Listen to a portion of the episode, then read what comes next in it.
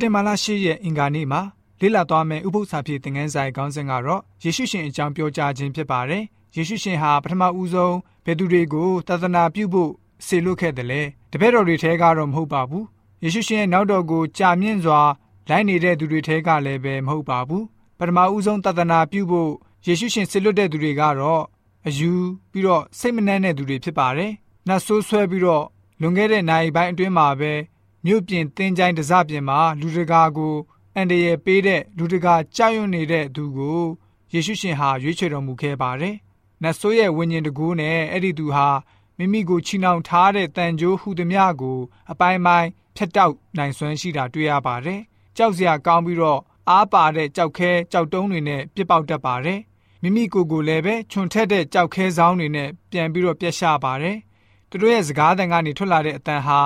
စိတ်နှလုံးမှာခံစားနေရတဲ့အဖြစ်ကိုပေါ်လွင်စေပါတယ်။သို့တော်လည်းပဲယေရှုရှင်ကိုမြင်တော်မူတဲ့အခါမှာသူတို့ရဲ့အသက်တာဟာပြောင်းလဲခဲ့ပါတယ်။အရင်လိုမဟုတ်တော့ပါဘူး။ယေရှုဟာသူတို့ရဲ့ကိုယ်မှာဆွဲကပ်ထားတဲ့နတ်ဆိုးကိုနှင်ထုတ်ပြီးတော့ဝဲအုပ်အတွင်းကိုဝင်ရောက်စေပြီးတော့ကြောက်ကမ်းမရန်ထက်ကနေဝက်တွေဟာခုန်ချပြီးတော့ပင်လယ်ထဲမှာနစ်မြုပ်တည်ဆုံးကုန်ပါတယ်။အဲ့ဒီအဖြစ်အပျက်ကိုဆိုလို့ရှိရင်တော့ရှမာကုခရစ်ဝင်ခန်းကြီးကငယ်တကနေ၁9ကိုဖတ်မယ်ဆိုရင်တွေ့နိုင်မှာဖြစ်ပါတယ်။နတ်ဆိုးဆွဲခဲ့တဲ့သူတွေဟာ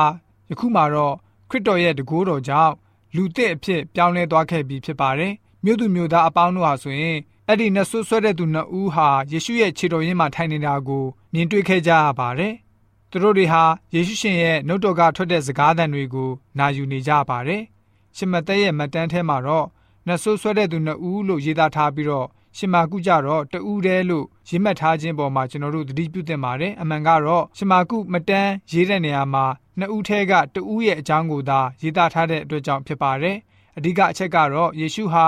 သူတို့တွေကိုကိုခန္ဓာအသိစိတ်အတွေးအခေါ်နဲ့ဘာသာတရားအားလုံးကိုပြန်ပြီးတော့အကောင်းပဂတိပြုလုပ်ပေးတာပဲဖြစ်ပါတယ်ရှမာကုခရစ်ဝင်ခန်းကြီး9ငွေ18ကနေ20ကိုဖတ်ပါမယ်ပြောင်းလဲလာတဲ့နှဆိုးဆွဲတဲ့သူတွေဟာယေရှုရှင်နဲ့အတူနေထိုင်လိုကြပါတယ်သို့တော်လည်းပဲယေရှုခရစ်ဟာသူတို့ကိုဆေလွတ်လိုက်ရတဲ့အကြောင်းကဘာလဲဆိုတာကိုကြည့်ကြပါစို့ လှေထဲသို့ဝင်တော်မူသောအခါနတ်ဆိုးဆွဲဘူးသောသူသည်ကိုတော်နှင့်အတူရှိပါမည်အကြောင်းတောင်းပန်လင်ကိုတော်သည်အခွင့်မပေးတင်သည်ကိုယ်အိမ်သို့သွားလော့ထတော်ဖျားသည်တနာခြင်းစိတ်တော်နှင့်တင်၌အဘယ်များလောက်ကျေးဇူးပြုတော်မူသည်ကိုတင်၏အဆွေမျိုးတို့အားပြန်ကြားလော့ဟုမိန့်တော်မူလင်ထိုသူသည်သွား၍ယေရှုသည်အဘယ်များလောက်ကျေးဇူးပြုတော်မူသည်ကိုဒေကာပေါလိပြည်တွင်တည်င်းကြားပြောသည်ဖြစ်၍ခတ်သိမ်းသောသူတို့သည်အံ့ဩခြင်းရှိကြ၏ဆိုပြီးတော့ဖော်ပြထားပါတယ်။ ဝိညာဉ်တော်စာပေဖြစ်တဲ့ Ijihwa The Desires of Ages စာမျက်နှာ340မှာဆိုလို့ရှိရင်ဘယ်လိုမျိုးဖော်ပြထားလဲဆိုတော့အဲ့ဒီနဆွဆွဲတဲ့သူနှစ်ဦးဟာခရစ်တော်ရဲ့တွင်တင်ခြင်းကိုခဏပဲကြားနာခဲ့ရပါတယ်။တရားတစ်ပုဒ်လုံးနာကြားရတာမျိုးမဟုတ်ပါဘူး။ခရစ်တော်နဲ့အတူနေ့တူဝသွားလာပြီးတော့ခရစ်တော်ရဲ့တွင်တင်တာကိုခံယူတဲ့တပည့်တော်တွေလို